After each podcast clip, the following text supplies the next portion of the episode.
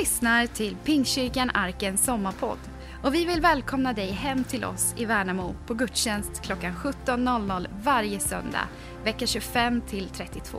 Välkommen hem! Daniel Skarstedt heter jag och jag är barn och familjepastor här i Arken. Så vet ni det. Min predikan kommer idag, idag kommer vara utifrån Romarbrevet. Romarbrevet skrevs för drygt 1960 år sedan. Så det är inga nyheter. Det är inget nytt. Runt år 56 till 58 där någonstans skrevs det. Av Paulus. Paulus var en kille som reste mycket och skrev många brev. Paulus han var jude. Han hade studerat skrifterna väldigt mycket. Men så kom det en kille som hette Jesus från Nasaret. Han hade tolv lärjungar och han undervisade människor och botade sjuka. Det var många som kom och lyssnade till Jesus. Och många trodde att han var judarnas nye kung, Messias. Fast så blev han korsfäst, dödad på ett kors. Och där kunde berättelsen om Jesus ha tagit slut. Men tre dagar senare började ett rykte spridas att Jesus levde igen. Att Jesus, Messias, lever. Sådana rykten hade spridits för, så det var inget nytt på det sättet. Men de drog alltid ut snabbt, de där ryktena. Jesu lärjungar som blivit gått från 12 till 11, de berättade sådär i smyg att de hade sett Jesus. Kvinnor berättade också det, att de hade sett Jesus. Och vid ett tillfälle så, så visade han sig för 500 personer samtidigt. Men allting var lite tystlåtet, lite sådär smygande. Inte sådär att man skriker ut, utan man berättade lite tyst och försiktigt så för dem. För man visste inte riktigt hur man skulle handskas med det. Men på pingstdagen då hände något oväntat. Jesu kompisar var samlade för att be och helt plötsligt var det som en våldsam storm drog fram. Och de blev uppfyllda av en speciell kraft. De började tala nya språk och människor från olika länder som var i Jerusalem just då samlades utanför och lyssnade och hörde vad de sa. Och de hörde lärjungarna prata om Guds väldiga gärningar på många olika språk. Var och en hörde sitt eget språk. Sen gick allt rasande fort. Redan samma dag döptes omkring 3000 personer. Och de gick omkring i Jerusalem och berättade vad de har varit med om. De förklarade att Jesus är deras Herre, Messias, Räddaren. De pratar också om att de har tagit emot den heliga Ande och i Jesu namn botade de sjuka. Det var inte populärt att berätta om Jesus. En del blev fängslade och förhörda. Och då förklarade de så här att Jesus är stenen som ni byggnadsarbetare förkastade men som har blivit en hörnsten. Hos ingen annan finns frälsningen och under himlen finns inget annat namn som människor fått genom vilket vi blir frälsta. De blev förbjudna att prata om namnet Jesus, men inget kunde hindra de här första kristna. De blev slagna och någon till och med dödad för sitt tro. Den första var Stefanus. Paulus, han var med då när Stefanus blev dödad. Paulus tyckte det var en bra idé för att få tyst på de här snackepellarna som pratade om Jesus hela tiden. De skulle hålla sig till det gamla riktiga. Mm. Och dessutom, han hade ju hädat han hade sagt att han såg Jesus stå vid Guds högra sida uppe i himlen. Och så bad han, Herre Jesus, ta emot min ande. Det där sporrade Paulus till att göra allt vad han kunde för att utplåna den kristna församlingen. De skulle i fängelse allihop. Man eller kvinna spelar ingen roll, alla ska in. Helst dödas om man får chansen. Och så hade de där kristna mage att inte ställa sig på led framför honom för att bli kastade i fängelse, utan de gick åt lite olika håll. De lämnade Jerusalem, gick till andra städer och fortsatte att berätta om Jesus. Om det var en liten lögn att Jesus levde igen så skulle det ryktet dött ut ganska snabbt. För ingen av dem hade någonting att tjäna på själv, för egen del. De blev fängslade en del, slagna, satt i fängelse, dödad. Och ändå fortsatte de att berätta om Jesus in i döden. Men Paulus var inte den typen som gavs i första taget. Han fick med sig ett brev. Brevet var från översteprästen. Nu skulle han till Damaskus. Och i Damaskus så skulle han få tillåtelse att få fängsla de kristna. Det såg han fram emot den resan. Men det där var ett brev. Det där var en resa som kom att förvandla Paulus liv. För på vägen från Jerusalem till Damaskus så mötte han själv Jesus. Den uppståndne, levande, talande, ljusstrålande Jesus från Nasaret, väldigt levande. Inte död på korset, inte död i graven. Jesus lever och Paulus fick uppleva det. Från den dagen reste Paulus andra resor. Han skrev andra brev som han skickade. Han blev också fängslad.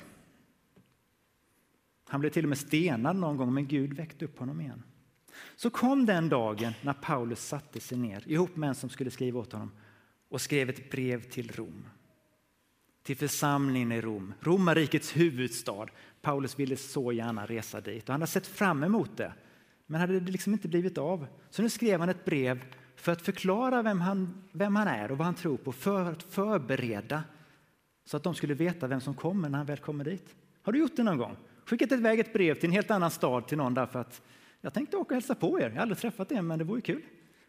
Och så skicka iväg det så att det ska vara redo. Nej. Men Paulus hade ett syfte. Paulus hade en tanke. Det var den här. Jag längtar efter att få träffa er och dela med mig av någon andlig gåva åt er så att ni blir styrkta. Alltså att vi tillsammans ska få hämta uppmuntran ur vår gemensamma tro, er och min. För det är så här att jag skäms inte för evangeliet. Det är en Guds kraft till frälsning för var och en som tror, juden först, men också greken. Och så börjar Paulus beskriva varför denna frälsning behövt, behövs. För du kan ju inte komma med någonting om det inte finns ett behov. Han skriver så här att det är uppenbart att Gud finns. Titta bara i naturen, den fantastiska skapelsen. Och trots att människor innerst inne förstår att Gud finns så tackar de inte honom. De byter ut Gud mot så mycket annat. Gud utlämnar dem, skriver Paulus då. De blir straffade. Men på vilket sätt blir de straffade? Jo, de får göra som de vill. De får följa sin egen längtan, sin egen lust, sina egna begär. Man han skriver så här att kvinnorna bytte ut det naturliga umgänget mot det onaturliga. Männen lämnade det naturliga umgänget med kvinnan och upptändes av begär till varandra. De blev fyllda av orättfärdighet, ondska, girighet, elakhet, avund, mordlust, stridslystnad, svek och illvilja. Och som om inte det vore nog så skriver han också att de skvallrar och förtalar, hatar Gud och brukar våld, de skrävlar och skryter, de är till och med påhittiga i det onda och olydiga mot sina föräldrar. Det har vi aldrig stött på förstås. Men, eh, vettlösa, trolösa, kärlekslösa och hjärtlösa. Och så säger han så här. De känner mycket väl till Guds rättvisa dom, att de som handlar så förtjänar döden. Ändå gör de det och samtycker dessutom till att andra ska göra det. Människan blev alltså utlämnad till vad då? Jo, till sin egna begär till att följa sin egen vilja, till att gå sin egen väg. Istället för att följa Guds väg så valde människan att gå sin egen väg. Och här skulle du och jag kunna sitta och tänka på någon som vi kan peka fingret mot lite grann sådär. Ja, men den, jag känner igen det där du läste innan, den gör så. Men det vi ska tänka på om vi pekar på någon annan är att det oftast finns åtminstone tre fingrar som pekar tillbaka på oss själva. Paulus säger så här, när du dömer en annan så fördömer du dig själv. Eller ännu tydligare, alla har syndat och saknar härligheten från Gud. Men liksom synden kom in i världen genom syndafallet så kommer nåden genom Jesus. Och Paulus skriver så här. Men Gud bevisar sin kärlek till oss genom att Kristus dog för oss medan vi ännu var syndare. Och syndens lön, den är döden, men Guds gåva är evigt liv i Kristus Jesus, vår Herre. Och vad händer sen? Jo, ni har inte fått slaveriets ande så att ni på nytt ska leva i fruktan. Nej, ni har fått barnaskapets ande. Och i honom ropar vi Abba far. Anden själv vittnar med vår ande om att vi är Guds barn. Och är vi barn så är vi också arvingar. Guds arvingar och Kristi medarvingar. Lika visst som vi lider med honom för att också förhärligas med honom. Det här ordet Abba kan du översätta med pappa, farsan, farsgubben, pappsen, ja, vad du vill. Ni har inte fått slaveriets ande. Vi läste om när människan, alltså du och jag, går vår egen väg och vänder oss bort från Gud så händer det rätt mycket onda saker. Och vi vet hur många gånger vi själva väljer fel. Du och jag. Och när vi har sagt ja till Jesus så har vi också sagt ja till att följa honom. Men då ger Gud oss inte ett slaveriets ande utan ett barnaskapets ande. Jesus, Guds son. Och vi kan bli Guds barn. Som barn är vi också arvingar, Guds arvingar. Alltså nu tänker jag inte först och främst på arvingarna. Ni vet Eloise och I do, I do, I do och de här. Du gör mig lycklig, eller hur det var i dikterna. Nej, alltså Paulus, det han skriver om är Guds arvingar, Guds barn. Paulus, han var ju som vi sa innan jude och de var ju Guds folk. Men nu predikade Paulus ofta till folk som inte var judar. Och då blir det här, hur hänger det här ihop? Har judarna någon fördel? Ja visst, säger Paulus, de har en stor fördel. Framförallt att Guds ord har anförtrotts åt dem. Men hur ska vi tänka nu då? Då skriver Paulus så här i Romarbrevet 10. Bröder, mitt hjärtas önskan och min bön för dem, alltså judarna, israeliterna, är att de ska bli frälsta. Jag kan vittna om den iver, om att de har iver för Gud, men de saknar den rätta insikten. De känner inte rättfärdigheten från Gud utan försöker upprätta sin egen rättfärdighet och därför har de inte underordnat sig rättfärdigheten från Gud. Kristus är lagens fullbordan till rättfärdighet för var och en som tror. Mose skriver om den rättfärdighet som kommer av lagen. Den människa som håller buden ska leva genom dem. Citat från tredje Moseboken. Men rättfärdigheten som kommer av tron säger Fråga inte ditt hjärta, vem ska stiga upp till himlen? Alltså för att hämta ner, hämta ner Kristus. Eller vem ska stiga ner till avgrunden? Alltså för att hämta upp Kristus från, den, från de döda. Vad säger den då? Ordet är dig nära, i din mun och i ditt hjärta. Alltså trons ord som vi predikar. För om du med din mun bekänner att Jesus är Herren och i ditt hjärta tror att Gud har uppväckt honom från de döda ska du bli frälst. Med hjärtat tror man och blir rättfärdig. Med munnen bekänner man och blir frälst.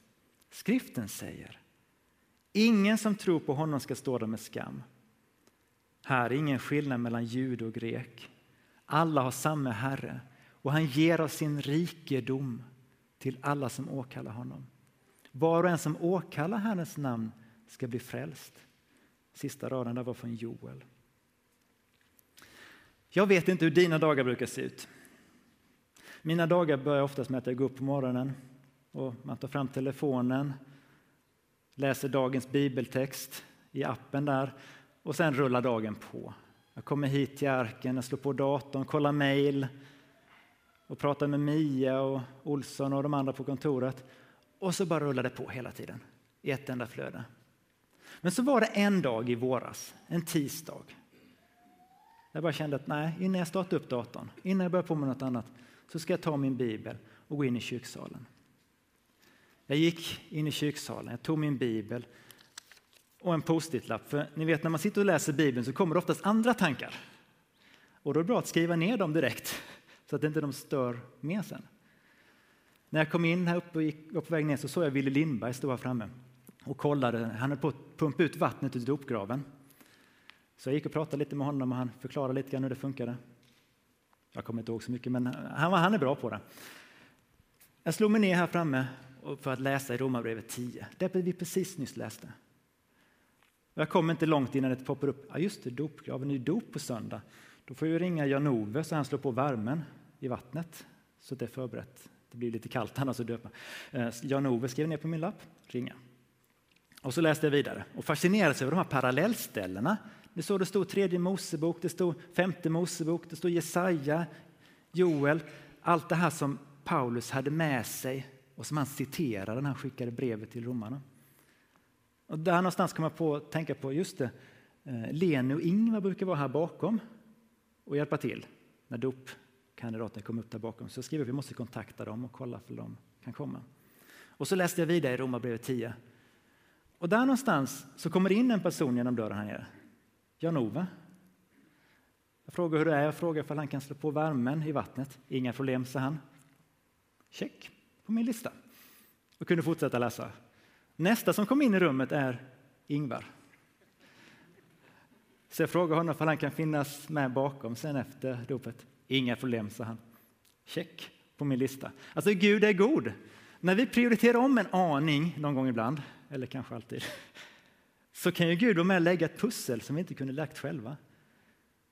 Alltså hade jag varit kvar där uppe så hade jag fått ringa till Jan-Ove här nere. Alltså det blir ju, ni fattar. Att Gud kan vara med och leda i de små detaljerna. Och så läste vi världens lös lösningen på världens problem fanns med i de här verserna som vi läste innan. För om du med din mun bekänner att Jesus är Herre och i ditt hjärta tror att Gud uppväckt honom från de döda ska du bli frälst.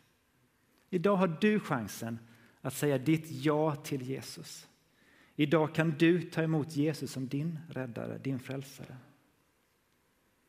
Längre fram i Romarbrevet, i slutet på elfte kapitlet, så läser vi så här. Av honom, Jesus, genom honom och till honom är allting. Hans är äran i evighet. Amen. Därför uppmanar jag er bröder vid Guds barmhärtighet att frambära era kroppar som ett levande och heligt offer som behagar Gud, er andliga gudstjänst. Er andliga gudstjänst och anpassa er inte efter den här världen utan låt er förvandlas genom förnyelsen av ert sinne så att ni kan pröva vad som är Guds vilja, det som är gott och fullkomligt och behagar honom. Det här ordet, er andliga gudstjänst, det låter ju fromt och andligt, eller hur? Jag roade mig att kolla det grekiska ordet där. Jag kan inte grekiska så du behöver inte vara orolig. Så. Då stod det logiken, logiken, förnuftet, er förnuftiga gudstjänst, er logiska gudstjänst. Det är också den andliga. Alltså när Jesus har gjort allt det här för oss, då är det logiskt att vi kommer till honom och frambär våra kroppar. Alltså vi kommer att ge tillbaka. Det är logiskt, det är förnuftigt. Och det är förnuftigt att komma och låta sitt sinne förnyas av Gud som kan leda oss på rätt väg. Bort från den här vägen som ledde fel, in på den vägen som leder rätt istället.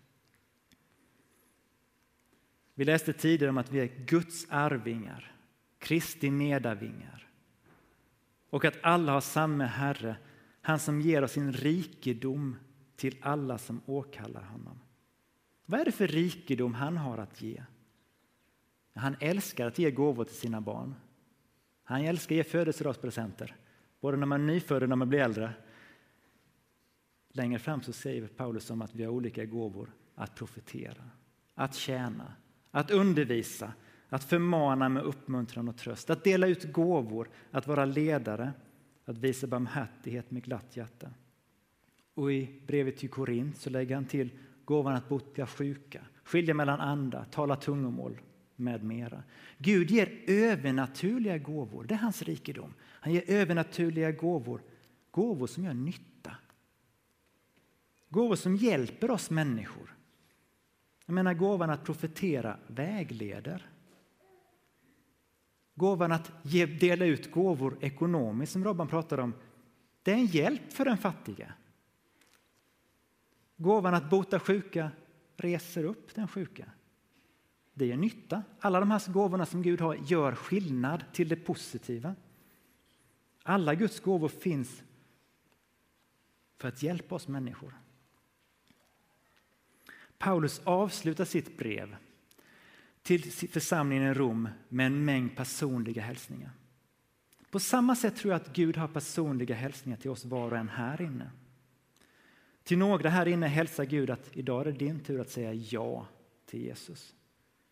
Du har levt ditt liv utan att känna friden i hjärtat. Nu börjar du vända dig till Gud. Och I den här gudstjänsten har du chansen att få ta emot Jesus som din frälsare, din räddare. Till några andra här inne så hälsar Gud välkommen tillbaka. Välkommen tillbaka mitt barn. Har du varit på väg en liten bit åt sidan? Välkommen tillbaka in i Guds närhet. Någon kanske Gud har visat på synd. Det finns någonting som gnager här inne. Det är någonting du har gjort. Men det är inte kört. I första Johannes brev så läser vi så här. Om vi bekänner våra synder är han trofast och rättfärdig så att han förlåter oss våra synder och renar oss från all orättfärdighet. Om du bekänner din synd så är Gud trofast och förlåter dig. Till någon här inne kanske han talar om gåvorna. Profetians gåva kanske egentligen ligger någonstans här inne i dig.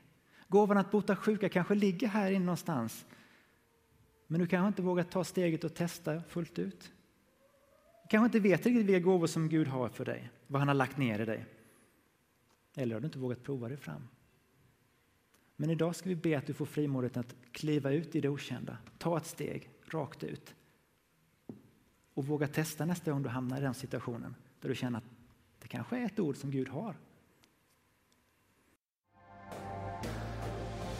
Du har lyssnat till söndagens predikan från Pingstkyrkan Arken i Värnamo. Vill du komma i kontakt med oss så hittar du oss på arkenvmo.se. Välkommen hem till oss.